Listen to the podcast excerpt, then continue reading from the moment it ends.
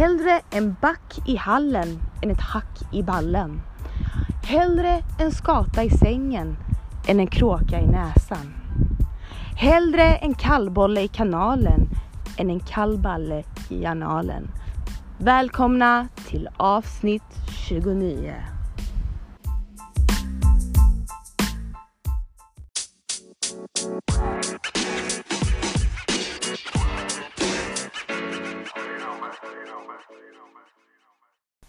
Hallå och välkomna mina sköna hönor. Välkomna, välkomna tillbaka. Tack för att ni lyssnar. Vi har ännu ett avsnitt. Detta avsnittet är avsnitt 29. Yes, yes, det går framåt. Vi blir fler och fler. Eh, jag vill börja med att önska, önska, önska, kan man önska någon välkommen? Eh, jag vet inte. Jag vill börja med i alla fall att säga välkomna till, till er, ni som är nya lyssnare. Jag har ju mina charts här så jag kan ju se det vet när, när det ploppar upp lite nya lyssnare här då här och då. Eh, jag hoppas att jag inte har skrämt bort er. Jag hoppas att mina lyssnare inte har skrämt bort er. Vi är bara en, en stor galen sekt med en skällande hund i bakgrunden som är jättejobbig. Jag vet inte vad det är med honom. Jag undrar, eh, måste han kastreras? Är det någon vaccin jag har missat? Vad är det? Varför är han konstig? Nino, helt ärligt. Girl.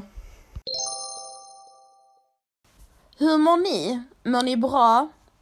Har ni kommit in i, i livet nu igen efter semestern? Eller ni kanske inte ens har haft en semester. Några av er kanske har jobbat eller är mammalediga eller whatever. Men har ni kommit in i eran vardag? Jag känner i alla fall att jag har börjat komma in i vardagen lite nu. Nu, nu känner jag att nu är hösten på väg. I'm not mad. Jag är inte arg. Jag är inte förbannad att hösten faktiskt är här. För att Nej, jag känner att det, det är ganska skönt. Okej, okay, det, det enda som inte, ska vara, som, som, inte är roligt är när man vaknar på morgonen och fryser eh, och bara vill inget hellre än att gå och lägga sig under sitt varma täcke. Det kommer att bli jobbigt. Men annars så, så tycker jag faktiskt att det ska bli ganska skönt med höst. Oj, förlåt. Um, ja.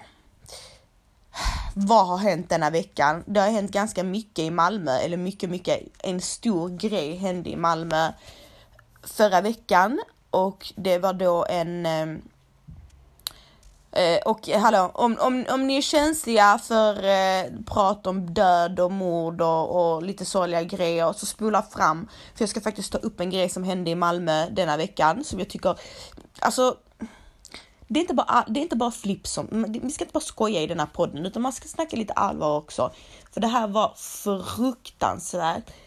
Uh, en, eh, en tjej då som heter Caroline som är, var 31 år gammal. Uh, hon blev faktiskt dödad. Väldigt centralt här i Malmö. Uh, Medan hon höll sin dotter som är två månader gammal eh, i famnen och hon blev avrättad. Alltså hon blev skjuten två skott i huvudet, två skott i bröstet och eh, någonstans mer, jag vet inte var. Och detta har nog skakat hela Malmö, den här händelsen. Jag menar, det är inget nytt att, att folk skjuter varandra, men det har varit väldigt inom samma cirklar. Det har varit lite självsanering. Okej, okay, nu kanske det låter fel att säga självsanering, men ni förstår att det har varit kill samma sorts killar som dödar samma sorts killar.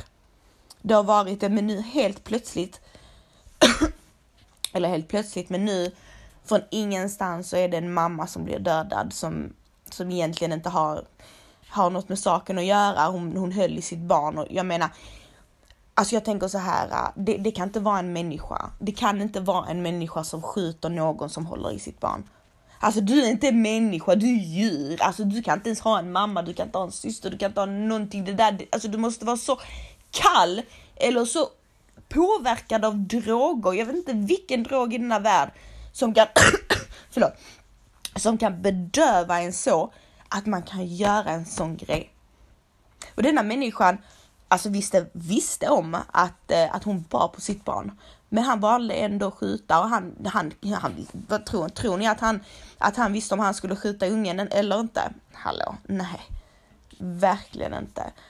Uh, och jag bara tycker detta är så jäkla sjukt. Och det är, och sambandet man har hittat då eh, mellan eh, henne, alltså varför då hon blev dödad, det var ju för att hon, hon, var till, hon är tillsammans, eller hon var tillsammans. Eller pappan till hennes barn i alla fall, jag vill inte säga något som inte stämmer, men det är nu vad man hör, att pappan till hennes barn då är eh, antingen kriminell eller före detta kriminell eh, och varit inblandad i ganska stora rån. Eh, det har varit inblandad i ganska mycket pengar, men detta hände dock för tio år sedan.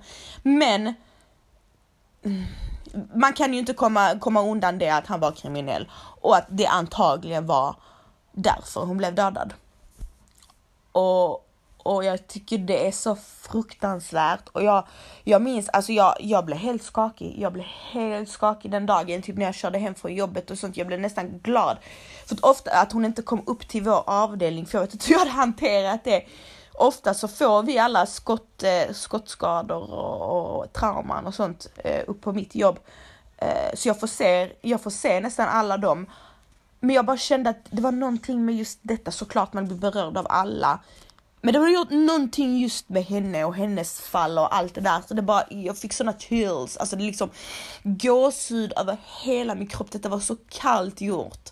Detta var så jävla iskallt gjort.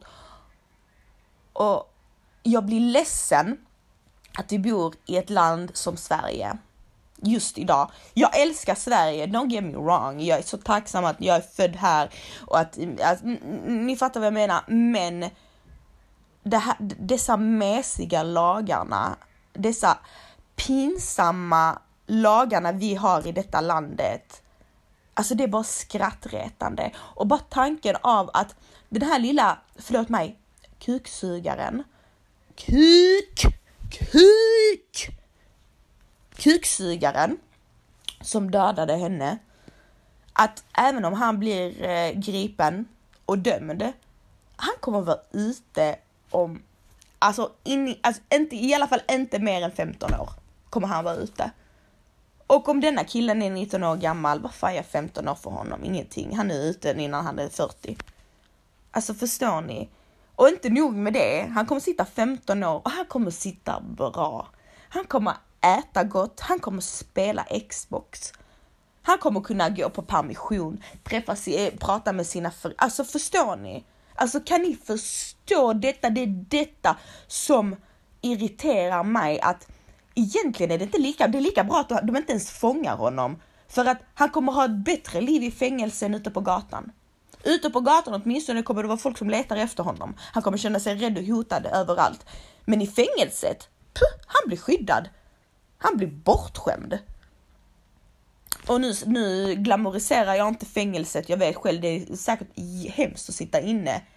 Men det är inte, det är inte, det är inte så hemskt det ska vara när man betalar, när man sotar för ett sånt mord. Förstår ni vad jag menar? Tycker jag i alla fall. Hade jag fått välja, hade jag fått välja, hade jag infört dödsstraff i Sverige. Alltså det hade jag gjort. Och då hade det varit liksom eh, hängning. Så där bara hängning, bara liksom bara få bort den där omänskliga lilla råttan från samhället. Häng han. Varför ska skattebetalarna betalarna betala för såna jävla pungråttor som går oh my god, alltså jag blir så arg, alltså jag kan inte ens snacka om detta med. Jag kan inte snacka om detta med. Jag tycker att alltså svenska lagarna är bara liksom, det för helvete du får, du får, du får högre straff för narkotikainnehav än för mord i Sverige alltså 80% av alla män eller personer som begår, som begår våldtäkt kommer undan. För att Sverige funkar på det viset. Vet ni vad jag, vet ni varför? Okej. Okay. Sverige funkar så på det viset för att du kan inte bli dömd om inte du utom, utom alla rimliga tvivel är skyldig till detta mordet, vilket är ganska bra egentligen om ni tänker efter, för då kan ingen oskyldig bli dömd. Men vad händer när man har den regeln utom inom, inom allmänt tvivel, vad händer då? Jo, folk smyger, folk klarar sig undan. För här behövs det så mycket bevis, även fast alla vet att det är denna människan som har gjort det, men det behövs så mycket bevis för att denna människan ska bli ditsatt. Och då tänker jag hellre, hellre ha ett samhälle där det händer, det händer någon gång att någon får sitta något de inte har gjort. Men hellre det, att det händer ibland, än att så många kommer undan med det de faktiskt har gjort. Förstår ni hur jag tänker där? Att hellre då att någon ibland döms felaktigt och sitter felaktigt än att så många är på fri fot när de har gjort det. Det är så jag tänker i alla fall. Jag vet inte. Ni får gärna skriva in till mig, berätta era åsikter om ni vill jag ska snacka vidare om sånt här. jag känner mig mer så, du vet, typ jag, jag stirrar upp mig själv. Jag blir jättearg, jag blir jättearg, jag hade aldrig kunnat vara politiker, oh my god. Aldrig. jag hade inte, ja. Tjejer, killar, vi kör vidare. Nu har vi berättat om det som hände i Malmö i alla fall. On to the next thing. Um, hello, har ni sett nyaste trenden? Nyaste trenden som inte tjejerna har hakat på utan nej, nej, nej, nej, nej, detta är killarna som har hakat på denna trenden. Dessa, alltså kolla här. 2019, helt plötsligt tror alla araber, afghaner, white boys, svenska boys att de är sexiga mulattos, mulattkillar från USA. För alla har börjat permanenta sitt hår. Jaja, jaja gumman, alla har börjat permanenta sitt hår där framme och så klipper de, de det kort på sidorna. Har ni märkt det? För helt plötsligt fattar jag inte att folk, jag fattade inte att, att det var permanent, permanentning. Och sen så börjar jag se, du vet på Instagram och sånt, fler och fler killar som har jättefina lockar där uppe och så vet, eh, eh, kortklipp på sidorna. Och sen kommer jag att tänka på, det finns ingen chans. För sen börjar jag se sådana, du vet, du vet, de lite, du vet, mm, lite afghaner där och, och några svenska killar där. Och du vet så, alla har de där snygga lockarna. Jag tänker, ingen chans att 2019 helt plötsligt så får alla lockigt hår. Killarna har börjat permanenta sina hår. Girl! Om ni, om ni undrar vad det är jag pratar om så kan ni faktiskt googla, googla eh, curly haircut short on the side guy, guy och så avsluta med guy. Mm. Så kommer ni se och ni kommer förstå ni kommer förstå exakt vad jag menar och ni kommer få en sån aha, oh my god, detta har jag också sett. Alla killar börjar klippa sig så. Eh, och det hade varit kul om någon frisör som lyssnar på podden hade kunnat bekräfta detta. Eh, och eh, min fråga då, är detta sant? Får ni in alltså killar med rakt hår som går och permanenta sitt hår? Eh, och jag shamear absolut inte detta. Så som vi ska få göra vad vi vill med vårt utseende ska killarna också få göra med vårt utseende. Men killarna som har så jävla mycket att säga om att uh, ditt smink, Uh, du, du har falsk marknadsföring, uh, cheeseburgare, eh, uh, uh, uh. Gubben du går fucking permanent i ditt fucking jävla hår. Okej? Okay? Det är bara det jag ville säga. Typ att, uh, trampa inte, uh, trampa inte sten i glaset. Så, ni förstår vad jag menar. Det var bara lite snilleblick så jag kom på här att hmm, det är nya trenden. Ganska intressant fråga från en, från en som lyssnar på podden. Och eh, då frågar hon, berätta mer om hur du var när du var yngre, bara för 5-10 år sedan. Och det fick mig att tänka till, hur, fan, hur var jag för 5-10 år sedan? Och helt ärligt så, så var jag nog inte så jag, kände, jag var nog främst mer omogen än vad dagens tjejer är som är 10 år yngre än, än mig. Jag var om jag ska vara helt ärlig, jag var jätteosäker. Jag hade väldigt, väldigt, väldigt dåligt självförtroende. Jag jag visste med mig själv att jag var det där goofy, lite så småtöntiga, för alltså jag är en tönt. Jag är egentligen en tönt. Jag, jag, jag har alltid, alltid sedan jag var liten, ni kan fråga vem ni vill som har gått i grundskolan med mig, jag har alltid varit en clown alltid varit klassens clown, alltid, jag har inte varit den eh, typ klassens snygging, klassens sportiga, utan jag var mer den typ jag ville få folk att skratta. Och, ehm, Och det förtrycktes nog ganska mycket när jag kom upp i tonåren. När jag märkte att okej, okay, det är inte det, this is not it. Det är inte detta som, som gör dig typ populär eller, ja ni förstår vad jag menar, accepterad. Utan du måste, du måste för det första fokusera på ditt utseende, bli tjejigare och typ så cut the crap, bli allvarlig. Så att jag tror den perioden i mitt liv var väldigt jag visste verkligen inte vem jag var. Jag visste absolut inte vem jag var. Och det, det, var, det var mycket för att jag inte, jag helt enkelt inte accepterade mig själv. Och så blev det inte bättre av att jag träffade en kille när jag var 16 år som, som verkligen, verkligen, verkligen inte lät mig vara mig själv. Det var den typ, alltså den natten ni ser idag, den fanns inte. Jo, hon fanns. Hon har funnits hela livet. Men hon var inte där. För att jag, jag blev så typ liksom det att jag ska skämta eller, eller säga vad jag tycker så som jag gör idag, det fanns inte. Uh, och jag minns att jag hade ständigt sådana perioder, typ jag ville vara någon annan. Jag ville vara någon annan, jag kunde typ ändra stil helt plötsligt och, och ändra massa grejer och jag vet inte. Jag, jag ska inte säga jag, att jag var, blev mobbad, det blev jag aldrig. Jag har aldrig varit mobbad, jag har alltid haft, jag har alltid haft mycket vänner. Men samtidigt när du, när du, när du kommer till upp till en viss ålder, typ 13-14, då är det inte det typ att du vill vara populär bland vänner längre, utan du vill mer vara populär bland killarna. Och som en goofy liten clown som liksom så så hela tiden. Typ, det kanske inte attraherar alla killar. Men eh, så jag, jag skulle nog vilja säga att de åren för typ tio år sedan var jag ganska så förtryckt av mig själv. Faktiskt. Och sen så när jag blev lite äldre, alltså det började komma fram där vid 19, eh, alltså lite med 18, 19, jag började, min, min personlighet började komma fram igen. Sen så var jag också i ett förhållande under den 19, 20, 21 där jag fortfarande inte riktigt kände, då kände jag så här ah. när jag var med min pojkvän hemma, eller då med mitt ex hemma, eller om han var i närheten så var jag en person. Så fort jag tände min live, eller var med mina tjejkompisar, då blev jag mig själv. Då var jag liksom, det är så alla har känt mig hela tiden, så som jag är. Jag är alltid samma människa när jag har liveat, när jag har poddat, typ it's me. Men så fort jag var med honom så var jag en helt annan människa. Då var jag typ Alltså jag kunde aldrig få för mig att, att starta en live när han var i närheten.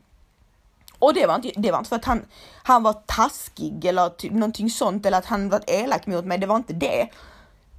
Men det var ändå det att jag kände inte att jag kunde vara mig själv framför denna människan, för jag kände mig ändå dömd. Jag kände mig, jag kände att nu sitter någon och spetsar örat på vad jag ska säga och inte säga. Vilket är så, förlåt, jag är helt torr i halsen. Vilket är så stor skillnad mellan, mellan mitt förhållande idag, där jag faktiskt, alltså jag kan sitta och, och, och live och podda bredvid, bredvid min pojkvän utan att ens märka att han är bredvid mig för att ex, jag beter mig exakt likadant som jag, så som jag har mina rants på Instagram och skojar och, och har det. Så jag kan, gör framför honom också, det känns jävligt bra. Nu blev det ett långt svar på din fråga. Men jag vill bara understryka detta att vi alla har varit jävligt osäkra någon gång. Sen om det är senare i livet eller tidigare i livet, det spelar faktiskt ingen roll. För att vi alla har varit där och vi har alla varit under utveckling. Det är många som har frågat mig, men att hur har du blivit så självsäker? det är så självsäker, det är så självsäker. Jag har inte alltid varit självsäker och jag säger inte att jag är 100% självsäker idag heller. Men jag är mig själv. Jag har accepterat att men jag är så här. Jag är inte den tysta, hemlighetsfulla, söta tjejen som du måste liksom trycka ur för att få några ord. Typ, that's not me. Även om jag några gånger i mitt liv har velat vara denna tjejen. Men, men det är inte jag.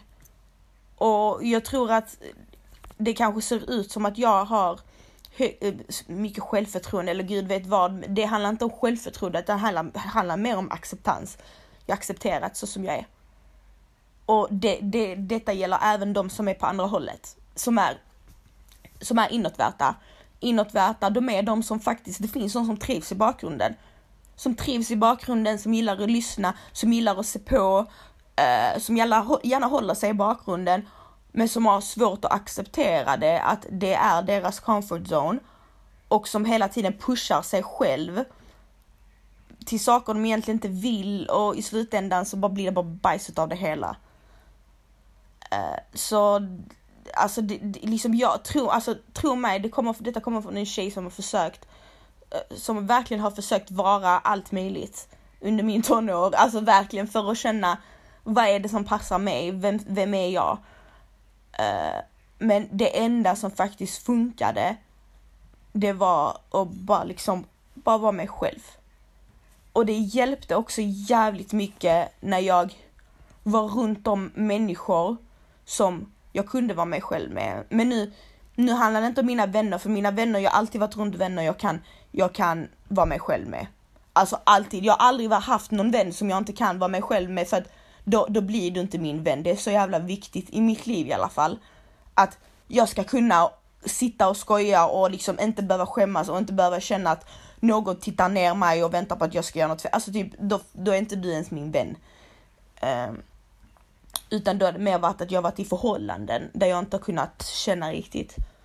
Äh, men ja, jag kan vara mig själv. Så ja. Nej men det var svaret på din fråga i alla fall. Det blev ett långt svar, men som sagt jag ville bara markera, I've gone a long motherfucking way och jag har varit så jävla osäker och jag har varit helt annan människa. Fast ändå samma människa för tio år sedan. typ.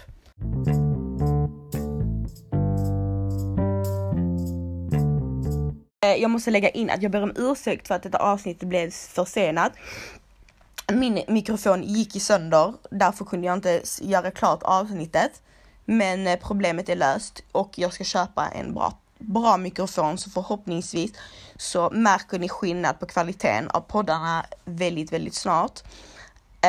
Um, ja, och så i alla fall. Alltså allt, allt bara hände min mormor, min mamma. Min mamma åkt på sån eh, arbetsresa till Berlin. Och min mormor eh, bor själv och hon bor nära min mamma och det är typ 20 minuter ifrån. Och så min äh, mormor ringer mig och hon bara Nathalie, hon bara jag ramlat, jag trillat och min mamma är 83. Så hon är ganska svag av sig och, och, du vet, och jag blev skiträdd för att vi har ingen annan där i närheten, det är bara jag som bor typ 20 minuter ifrån. Hon bara snälla kom. Så jag fick ju, jag fick ju köra dit, alltså jag körde skitsnabbt. Jag, alltså jag menar min mamma är mitt allt, jag, jag dör för henne. Alltså jag hade kunnat döda en människa för henne. Uh, hon hade då trillat och slagit i sig, jag tyckte så synd om henne. Så det slutade med att jag sov där hela natten hela natten, nej halva natten. Jag sov där hela natten och sen på morgonen, jag vet inte vad som hände så funkar inte min, eh, min mikrofon. Eh, så ja, det var konstigt, det var en otursdag. Men, eh, men min mamma mår bättre och hon, hon slog inte i huvudet som tur var. Um, och det är alltid lite läskigt när man känner sig hjälplös, när man inte har någon annan, alltså i närheten så blir det liksom shit. Alltså så det var skitläskigt. Men eh, jag är bra i alla fall. Jag är bra. Hon är bra och jag är glad att det löste sig.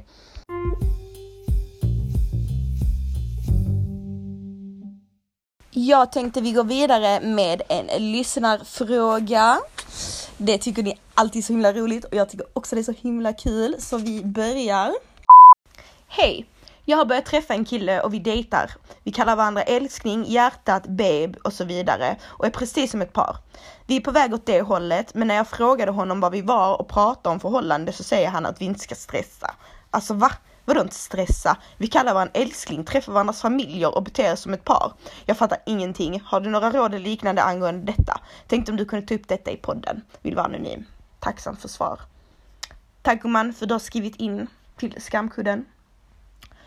Alltså, jag kan inte, jag kan inte döma situationen på att han säger att han vill ta det lugnt. Men du ska absolut, absolut, absolut ta detta som en liten hint.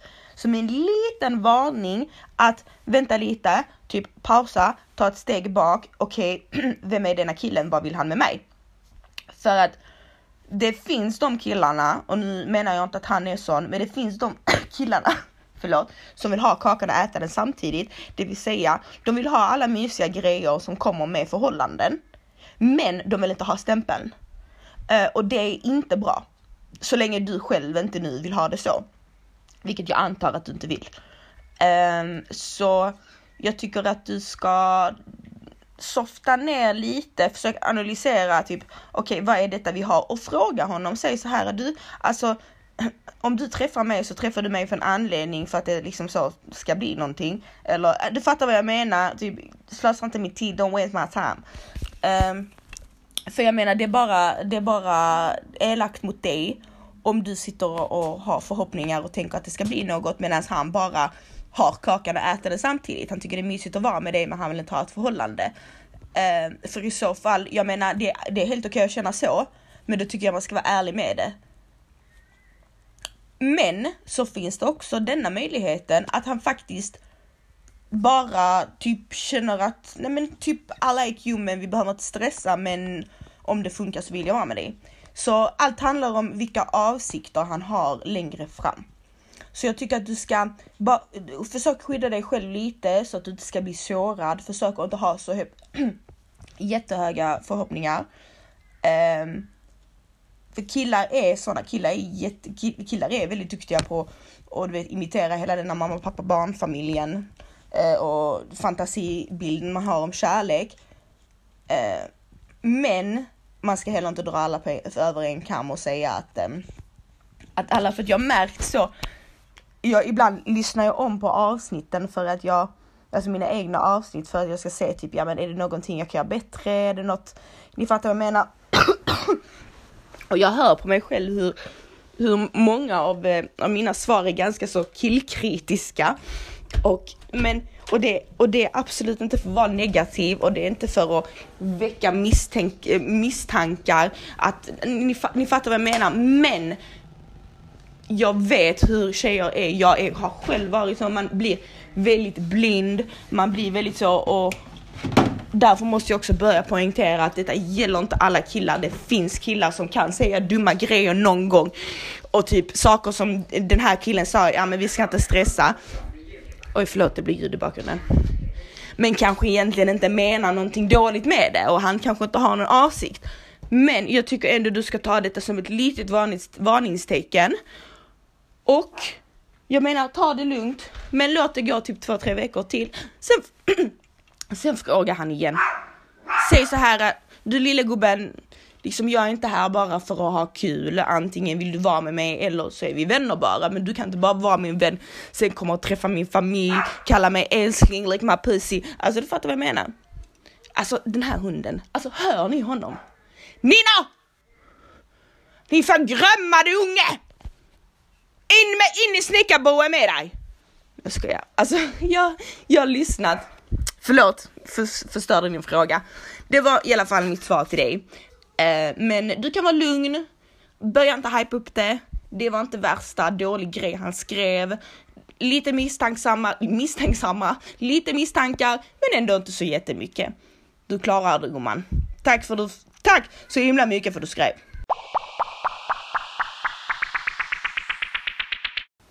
Hej! Jag undrar, vad är din syn på agning, det vill säga när man slår sitt barn för att tillrättavisa det? Inte hårt eller så, men ändå en ganska markant smäll för att tillrättavisa. Well, um, jag har inte barn själv, men jag tror att jag tror inte jag kommer ändra på min åsikt gällande detta och det är Absolutely the fuck not! What the fuck? Are you crazy? Typ va? Hallå? Nej, verkligen inte. Va?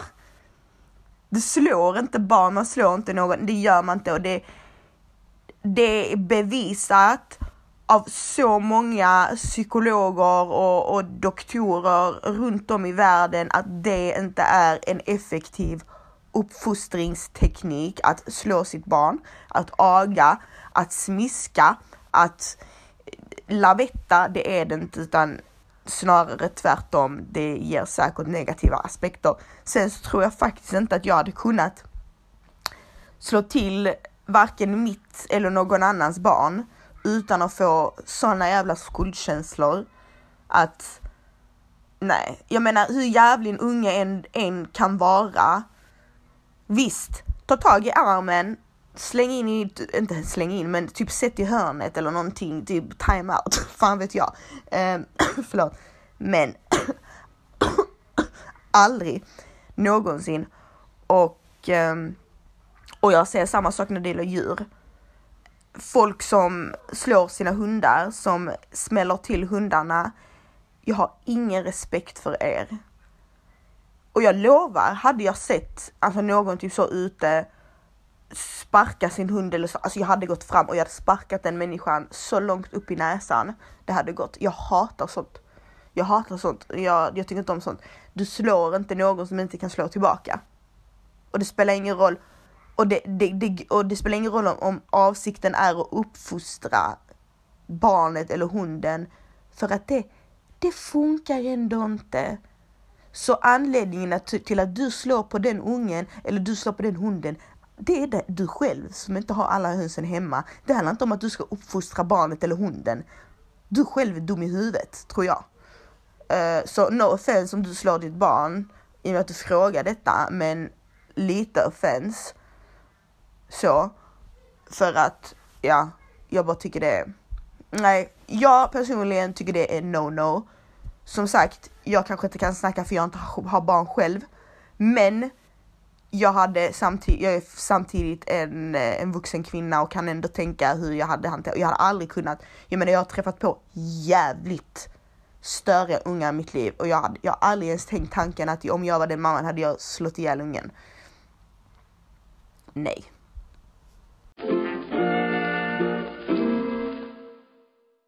Jag har innan um, använt ett ögonfransserum som heter Eye Glow och den har varit så fucking bra. Alltså den är så jävla bra. Mina ögonfransar blir så långa, så tjocka.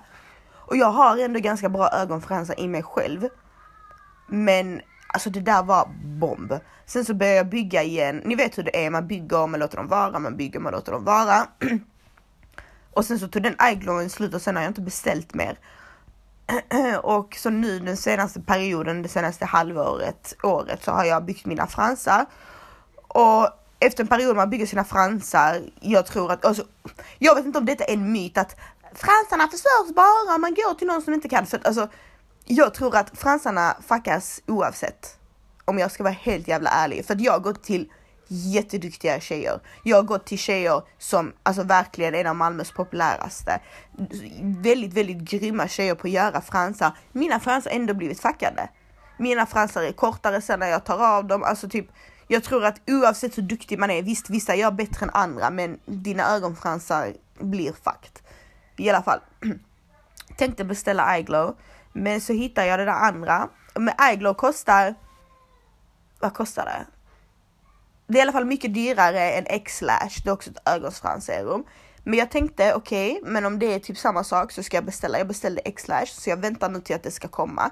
Sist jag testade ögonfransserum så såg jag resultat jättesnabbt. Alltså jag snackar i alla fall en vecka så jag redan resultat tydligt. Eh, så det ska bli spännande och jag ska återkomma här på podden och säga hur, eh, för att den här X-Lash kostar bara typ 399 eller någonting sånt medans iGlow kanske kostar 800 eller nej jag vet inte hur mycket den kostar men den är mycket dyrare i alla fall. Så det ska bli spännande på tal om ingenting. Och på tal om något annat, jag måste dela med mig. Jag har börjat kolla på Astrid Lindgren filmer och det är så mysigt. Jag vet inte om, om ni också är uppvuxna med, med de filmerna, men jag är uppvuxen med de filmerna. Min mamma satte på dem till mig. Jag kollade inte så mycket tecknet, det var Astrid Lindgren, det var Pippi Långstrump, Lotta på Bråkmakargatan, det var Emil i Lönneberga, alltså allt sånt. Så har jag, jag har, jag, vi har IPTV hemma Eh, och IPTV det är väl någon form av uh, halvlaglig TV. Nej men alltså så typ där man har uh, verkligen alla kanaler du någonsin kan tänka dig. Inklusive kanaler med en viss genre av filmer, typ soap comedy, alltså massa insatta filmer i själva boxen. Alltså det är jätte, jätte, jättemycket att titta på. Uh, och då har jag en kanal som heter Astrid Lindgren. Uh, och på den kanalen så bara går det bara går och går och går alla möjliga alltså, Astrid Lindgren filmer. Så jag har på den kanalen hela tiden. Och min kille får spela så han får panik. Det ändrar han, han hör i bakgrunden det Lotta! Hemma på vår gata i stan, där bor en fru. Eller så. Fy pilutta dig! Alltså typ, han bara hör sånt i bakgrunden, han tycker det är jätteirriterande. Men jag älskar det, jag tycker det är så jävla mysigt. Alltså det är en sån typ mysig känsla med att ha Astrid Lindgren filmer i bakgrunden i hemmet. Typ det ger en vibe. Det är typ en atmosfär. Jag har märkt det att när man, när man sätter på en viss, alltså något, antingen om man kokar kaffe, det luktar sån ny, nybryggt kaffe eller kanelbullar eller sköljmedel och en Astrid Lindgren-film i bakgrunden. Typ att det ger en speciell vibe i hemmet och man mår, man mår mycket bättre. Och att sådana småsaker är jävligt avgörande. Typ att Alltså ibland kan jag faktiskt bara typ eh, baka någonting, inte för att jag vill äta det utan för att jag vill lukta det i hemmet. För jag tycker det luktar så jävla mysigt och gott. Eller till exempel poppade popcorn. Jättemysigt. Um, så det är, it's all about those small, small things.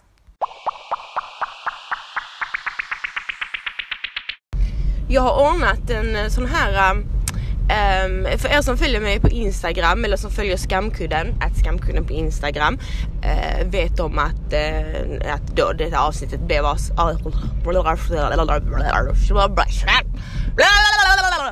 Förlåt. alltså bokstavligen, det är, klockan är sju på morgonen, nej 20 av sju klockan. Um, och jag ville bara tillägga att, ähm, att jag vet inte om jag ens jag har sagt, sagt detta innan i detta avsnittet, äh, men att det då äh, mikrofonen min gick sönder. Äh, så nu har jag ordnat att jag kan spela in, alltså jag kan, jag sitter, för annars spelar jag in från min data. Men nu, kan jag, nu har jag själva programmet min telefon också, så även om det inte blir bästa ljudkvaliteten så kan jag faktiskt spela in på telefonen med. Um, och det var det jag ville säga att just nu så sitter jag i bilen på väg till jobb. Ehm, jag börjar egentligen om exakt nio minuter. Jag försov mig. Jag vet inte, alltså det känns som att jag har legat under narkos. Ni vet när ni, när ni, alltså när ni typ vaknar och ni ser bokstavligen att okej okay, klockan, är, klockan är typ en och en halv timme efter du skulle ha vaknat. Det betyder att du har klickat på snooze ungefär tio gånger. Um, men du har inte hört någonting. Det är som att du har liksom varit i en dvala. Så känner jag just nu. Alltså jag är så svullen i mitt ansikte. Det ser ut som liksom jag sovit med huvudet typ i vatten. Alltså jag ser fruktansvärd ut. Jag ser fruktansvärd ut så jag har faktiskt... Eh, och sen så när jag kom ner till bilen, det ösregnar ute. Jag glömde var jag parkerade min bil. Eh, när jag väl sätter mig i bilen, ingen bensin. Jag bara, ja men fan alltså. Du vet, ni vet när man är sån jättesjälvsäker på kvällen. Äh, jag tankar på morgonen, det går bra. Ja, ja. Så ja, jag fick ringa till mitt jobb och säga jag blir 10 minuter sen. I'm so sorry. Men eh, det fantastiska med mitt jobb är, jag brukar faktiskt inte komma för sent. Eh, det, gör jag, det gör jag typ nästan aldrig, det har hänt någon gång innan.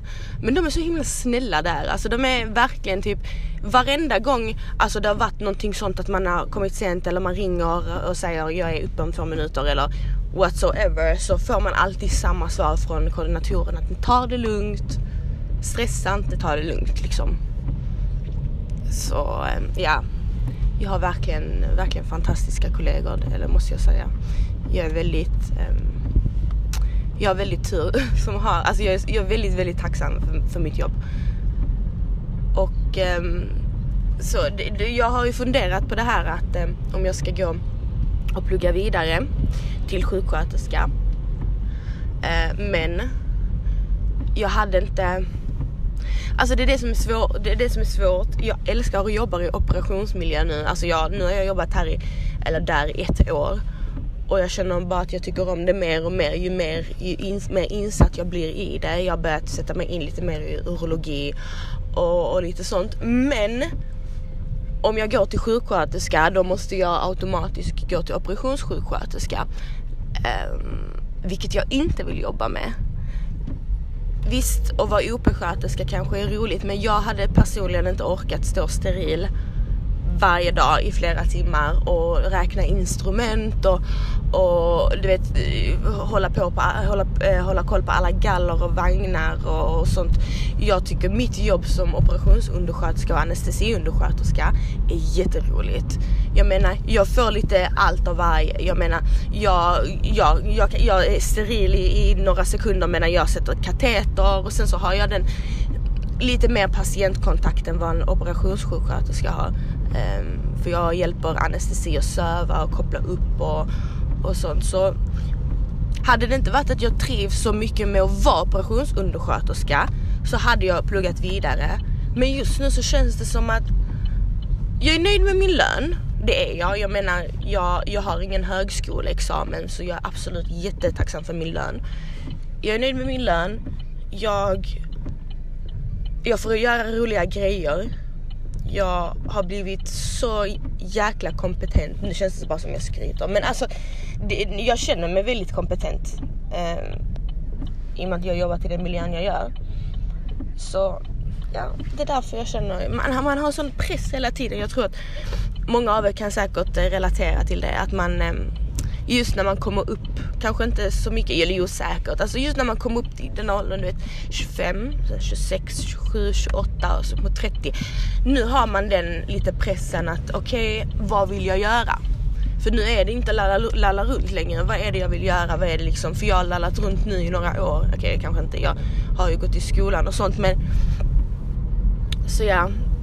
Men man måste ändå typ, typ stanna upp lite och detta gäller alla, man måste stanna upp lite och bara ge sig själv en klapp på axeln och bara, men vet du vad? Okej, okay, du kanske inte har gjort exakt allt du hade velat när, tills, tills du är i den åldern du är i nu. Men du har gjort detta, detta, du har gått igenom detta, detta, detta, detta har hänt, men du står fortfarande på dina ben. Man måste det ibland faktiskt, för att annars så blir man, det är så himla lätt att bli hård mot sig själv. Um, ni får säga till i eh, något DM eller någonting sånt om det är skitjobbigt att jag nu sitter och poddar i bilen. Uh, och jag vet inte alls hur detta kommer låta. Men jag kommer ju inte fortsätta podden i bilen utan det var bara mest lite sån inflik och få testa hur det låter. Nu är det i alla fall dags för storytime. Jag ska berätta om en, om en lite, lite skum händelse som jag tänker på ibland eh, som hände för några år sedan. Och det var när jag var i Kroatien. Och eh, ja, hur gammal var jag? Eller vi var kanske 18 år gamla, 19 max. Eh, det var innan jag träffade mitt ex. Jag var i, det var min lilla singelperiod eller vad man ska säga. Ehm, min bästa vän Adelina kom ner till Kroatien och vi hade hyrt en lägenhet i Vodice och det är liksom liten, typ så, en mindre ort i Kroatien eh, mycket ungdomar och liv och ja, allt möjligt. Eh, och så första kvällen då så går vi ut till ett disco som heter Hacienda. Och för er som inte vet vad Hacienda är så är det typ eh, ett väldigt stort disco utan tak, men det är ändå liksom inhägnat disco. Det är inte i staden utan du måste ändå åka upp på motorvägen och typ liten bit, kanske fem minuter. Um, så man måste ändå antingen ta taxi dit eller ta eh, en bil. Um, jag har en nästkusin. Eh, eller eller nästkusin, det är ännu längre än så. Det är liksom typ, ni vet, mammas kusins kusins kusins kusins. De bor i Schweiz i alla fall. Um, och han är lite äldre än mig. Han, um, och han är loaded. Han har jättemycket pengar. Han köper och säljer bilar i Schweiz. Så han har de absolut sjukaste bilarna man kan tänka sig. Um, så vi kommer dit i två bilar. Vi ska gå ut med han och hans vänner och det var en Ferrari och så var det Lamborghini. Jättefett tyckte jag då och bara uhuhu, jättekul och eh, vi alla sitter där, vi dricker, vi har det kul. eh, och mind you, min tjejkompis hon är lite så, hon är, hon är ganska trött för hon har ju rest hela dagen. Eh, men vi eh, är där och dricker och, och, han bokstavligen typ häller sin vodka i, hans, alltså i sitt egna ansikte och dricker så jävla mycket. Jag drack, alla drack. Ehm, och och, men sen så blev Adelina trött för hon, hon, var, hon var redan trött sen innan.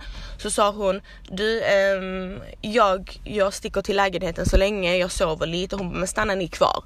För klockan var ändå ganska lite fortfarande, jag vet inte om klockan var typ halv ett eller någonting. Jag bara, är du säker och sånt? Jag bara, jag går med dig. Hon bara, nej nej nej. Hon bara, stanna. Jag bara, okej. Okay. Så jag stannade. Och vi fortsätter, vi hade jättetrevligt och, och sånt och eh, sen så når kvällen sitt slut och vi ska då hem. Um, och jag hade ju inte tänkt på att då jag hade druckit själv så mitt beslutmaking här var inte det bästa. Jag hade ju inte tänkt på att alla har ju druckit så hur ska vi ta oss hem? Men det var ju ingenting dessa killarna oroade sig över. Så min eskkusin och jag, vi tar Ferrarin och de andra tar Lamborghinin och han ska släppa av mig hemma. Och då, och då, som jag sa då, då är det ändå en bit typ på motorvägen, fem minuter. och eh, vi börjar köra, jag har inte bälte på mig. Vi börjar köra, köra, köra och han börjar kicka bilen. Och då menar jag, han åker liksom upp mot typ 200 km i timmen. Alltså väldigt, väldigt, väldigt, väldigt snabbt. Uh, och jag, så dum som jag var, jag bara oh, oh, oh, tyckte det var jättekul. Uh, och ni vet, jag vet inte om för er som inte har varit i Kroatien, men själva landsvägarna slash motorvägarna är väldigt kringliga. Uh, de, de, är, de är dubbelriktade, säger man så, dubbelriktade så det kommer bilar från båda hållen.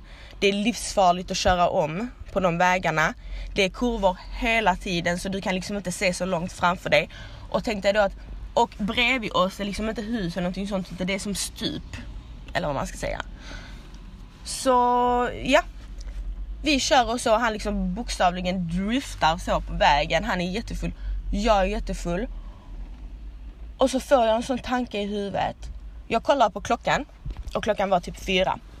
4.03, 04 något sånt. Och jag minns att jag tittade på klockan och jag hör någon i mitt huvud säga ta på dig bälte ta på dig bälte. Jag bara hör, ta på dig bälte. Och så full som jag är så gör jag som mitt huvud säger och jag tar på bälte och detta hade jag aldrig gjort om det inte var att jag fick verkligen en sån jättehög, alltså en väldigt stark röst i huvudet som sa så. Och precis tre sekunder efter, jag skojar, kanske ännu mindre, några sekunder efter jag tar på mig bälte, vi åker ut för vägen. Alltså vi åker stup ner. Och då menar jag, alltså det är jättebrant och jag ser, jag tänkte, jag bara nu dör jag. Jag bara nu dör jag, det finns ingen chans att vi överlever detta. Och jag ser framför mig hur han lyckas svänga förbi alla träd i stupet på något konstigt. Det var så jävla sjukt och det gick så himla snabbt.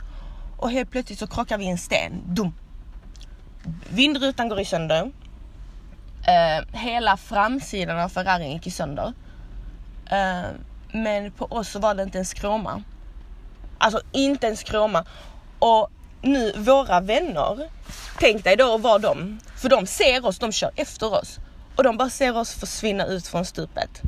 Så man hör dem gå ut från bilen bara Åh, scheisse, was ist das? Du vet så.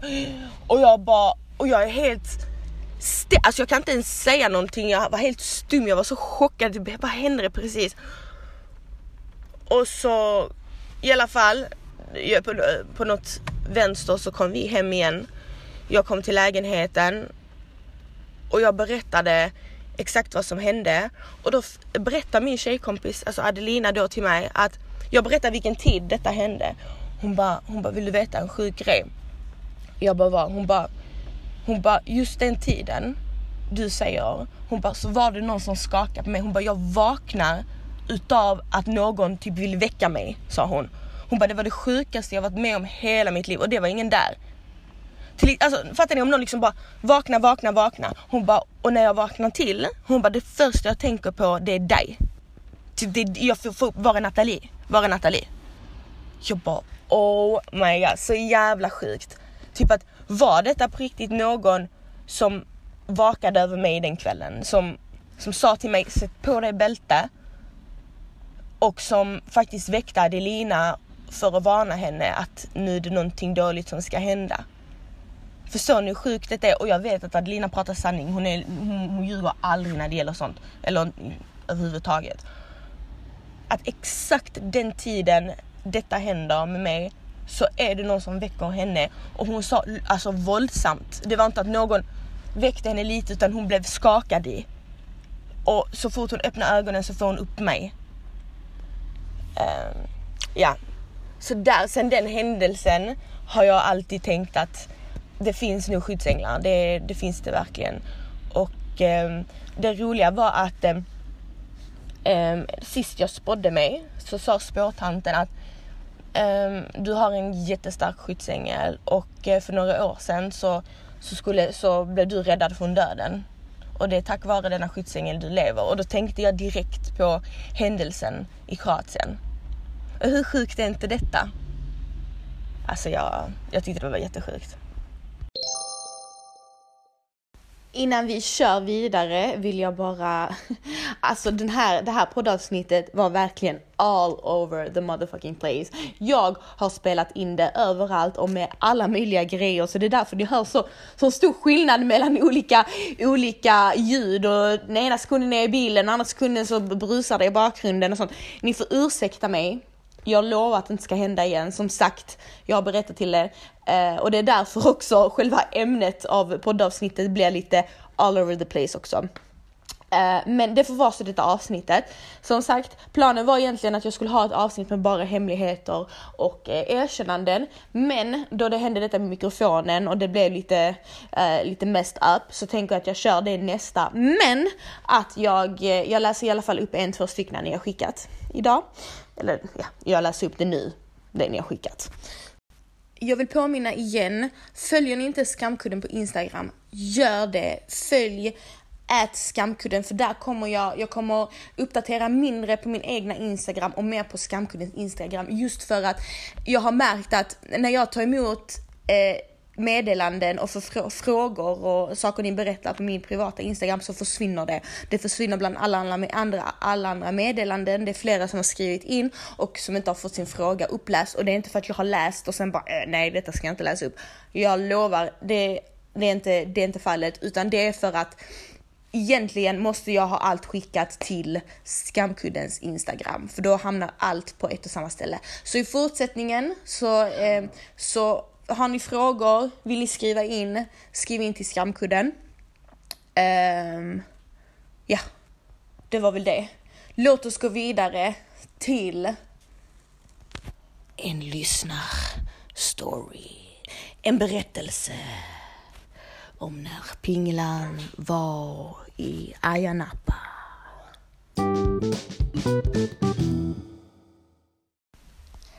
Råkade på något höger hamna på en strippklubb i Ayia Napa där jag befinner mig just nu. Jag och mina två tjejkompisar träffade ett gäng svenska grabbar som insisterade på att vi skulle följa med dem i deras limousin. Vi tänker fuck it, vi måste ju dra tummen ur röven och leva lite. Vi tjejer får gratis dricka och det kommer fram en tjej och dansar med oss. Det visade sig senare att hon var en strippa och hon älskade mina moves. Rätt som det är kommer ägaren till klubben fram och frågar om min favoritlåt. Thank you next, svarar jag. Cirka 30 sekunder senare börjar låten spelas och ägaren samt några strippor puttar upp mig på scenen. Ger livet show och min inlevelse är på topp. I'm really feeling myself bokstavligen. Hoppar till slut ner från poolen och pratar lite med strippan. Ah, poolen, förlåt, Polen.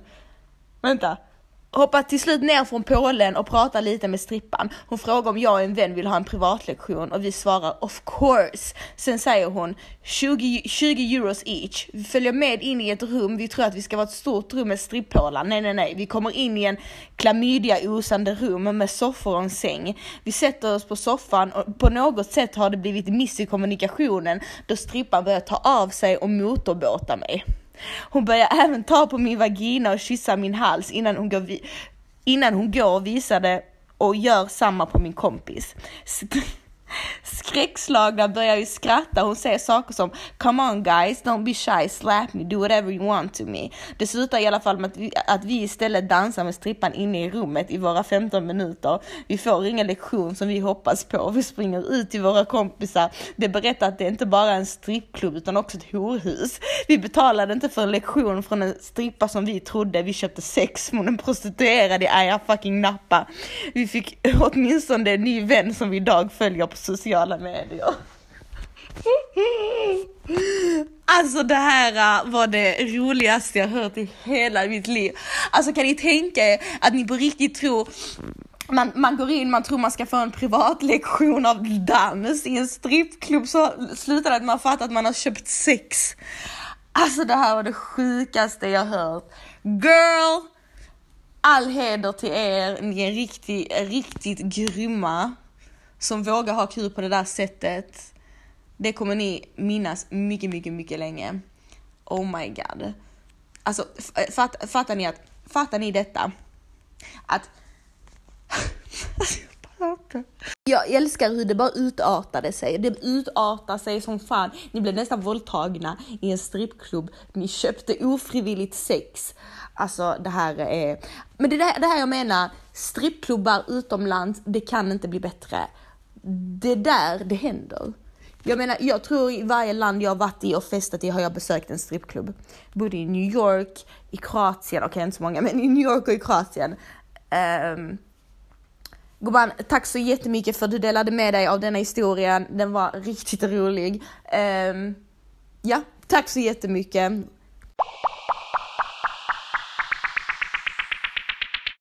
En pinsam grej som hände mig Eh, och mina tjejkompisar när vi var i Kroatien. Då var vi också, vi åkte, vi eh, åkte till en klubb, vi gick till en klubb och vi hade beställt VIP. Så VIP var liksom en våning upp på ett glasgolv, precis som en terrass. Jag tänkte att det är en terrass över diskot och golvet gjort av glas. Och, och vi liksom bara woho! du vet, alltså det blir bananas. Vi känner oss som alltså the, alltså, the bosses på klubben. Och så detta är då väldigt, väldigt länge sedan. Eh, vi beställer in vodkaflaskor, och vi är bara tjejer, vi är kanske fyra tjejer. Uh, vi vinkar till folk, hej gumman och sånt. Vet, jätte. Jag hade en kort klänning, jag hade inga trosor på mig för det var sån här typ Alltså typ som en bandageklänning, väldigt, väldigt tight. Så att du kunde inte ha några trosor under. Uh, eh, mina andra tjejkompisar hade också några väldigt kort, de hade korta klänningar. Uh, den ena hade typ spets, spetstrosor, den andra hade gud vet vad. Och vi du vet går och har jättekul och sånt och, och helt plötsligt du vet så tittar jag ner och, och, så ser jag du vet hela tiden att folk tittar upp på oss du vet och jag tänker ja du vet de tittar på oss, de tycker vi är skitsnygga och det är nog därför de tittar upp på oss. Och sen så min tjejkompis hon bara du. Hon bara har du märkt folk tittar upp hela tiden? Jag bara vad? Hon bara folk tittar. Jag bara, jag bara vänta lite. Jag bara vänta lite, stanna här, stå här. Så jag springer ner. Och jag ställer mig där de ställer sig och jag tittar upp. Och jag ser min väns fitta uppe och jag tittar och jag tänker oh my god, har vi stått här nu och twerkat och särat på benen? De tittade inte för att vi var snygga, de tittade för att vi fucking blottade våra fittor upp, alltså det här var det pinsamt. Jag bara oh my god, vi måste gå hem, vi måste gå hem, vi måste gå hem, så skämmigt. Oh my god. Så vi av, av någon anledning tänkte inte på att vi stod faktiskt på ett glasgolv som var genomskinligt. Nu vet jag inte riktigt, i och med att min klänning var ganska knälång. Eh, men de såg definitivt mina tjejkompisars genomskinliga spetstrosor. Det vet jag. Eh, så det där var, jag, jag kommer aldrig tillbaka till det diskot Jag sa aldrig i mitt liv, alla har sett min vagina där. Inte bara min vagina, de har sett min fucking livmoder också. Min livmoder, min livmoderhalstapp, mina äggstockar. Allt har de fucking sätt. Inte konstigt att fucking folk höll på att bryta nacken där nere så mycket de tittade upp. Tänkte vad fan tittar ni på? Du vet, först tänkte jag åh, du vet, åh, ja, men eh, de tittar på oss, ja kanske fan vet jag. Men inte så jävla, inte konstigt att de har tittat på oss. Vem fan hade inte tittat upp på fyra fittor när de tittar upp? Alltså ursäkta mitt språk men alltså det där var det. Ja, men det, det är sådana här dagar som, alltså du måste ha någon sån här dag i din ungdom. Ja, så det var det. Det var min historia om när eh, halva Kroatien såg min Piskaren, Shivshapauren, min Pizdauren, Vagelinauren, ja. Den var i alla fall ansad och rakad, så det är väl viktigast. Och med det så avrundar jag detta avsnittet. Jag hoppas ni trots fördröjningen och det lilla, det lilla hattiga uppläggningen tyckte det var uh, ursäkta mig, ett roligt avsnitt. Um, som vanligt, oh, betygsätt gärna om ni lyssnar på iPod, iPod, iTunes-appen eller podcast-appen. Lägg gärna ett betyg, skriv en recension om podden, det hade betytt jättemycket. Eh, fortsätt dela när ni lyssnar på podden, jag uppskattar det jätte, jätte, jättemycket. Eh, sprid vidare podden. Så hade jag blivit väldigt glad. Um, ja. Som vanligt också, skriv in, fortsätt skriva in, det gör ingenting om ni skrivit in innan. Uh, skriv helst till skamkudden på Instagram om ni vill vara med i nästa avsnitt. Annars kan jag, kommer jag, eh, tar jag gärna emot uh, förslag på vad ni vill höra härnäst. Vad tycker ni om? Vad, vad tycker ni är intressant att prata om? Eh, ni vet att jag blandar både humor och allvarliga grejer. Så det är bara att komma med idéer, ingenting är för, för, eh, hur ska jag säga, för tabu för skamkudden. För jag har inte samarbeten och sånt här. Alltså, jag har ingen som lyssnar på vad jag säger eller vilka fula ord jag använder. Jag ber om ursäkt i förväg om jag har varit lite grov i munnen den här podden. Jag kom på att jag kanske var lite grov i munnen nu eh, när jag berättade den historien. Men det känns som att man måste vara det för att historien ska come through. Så ni vad jag menar? Ja, um, tack så jättemycket för att ni lyssnade. Vi ses nästa avsnitt. Puss, love you! Mwah!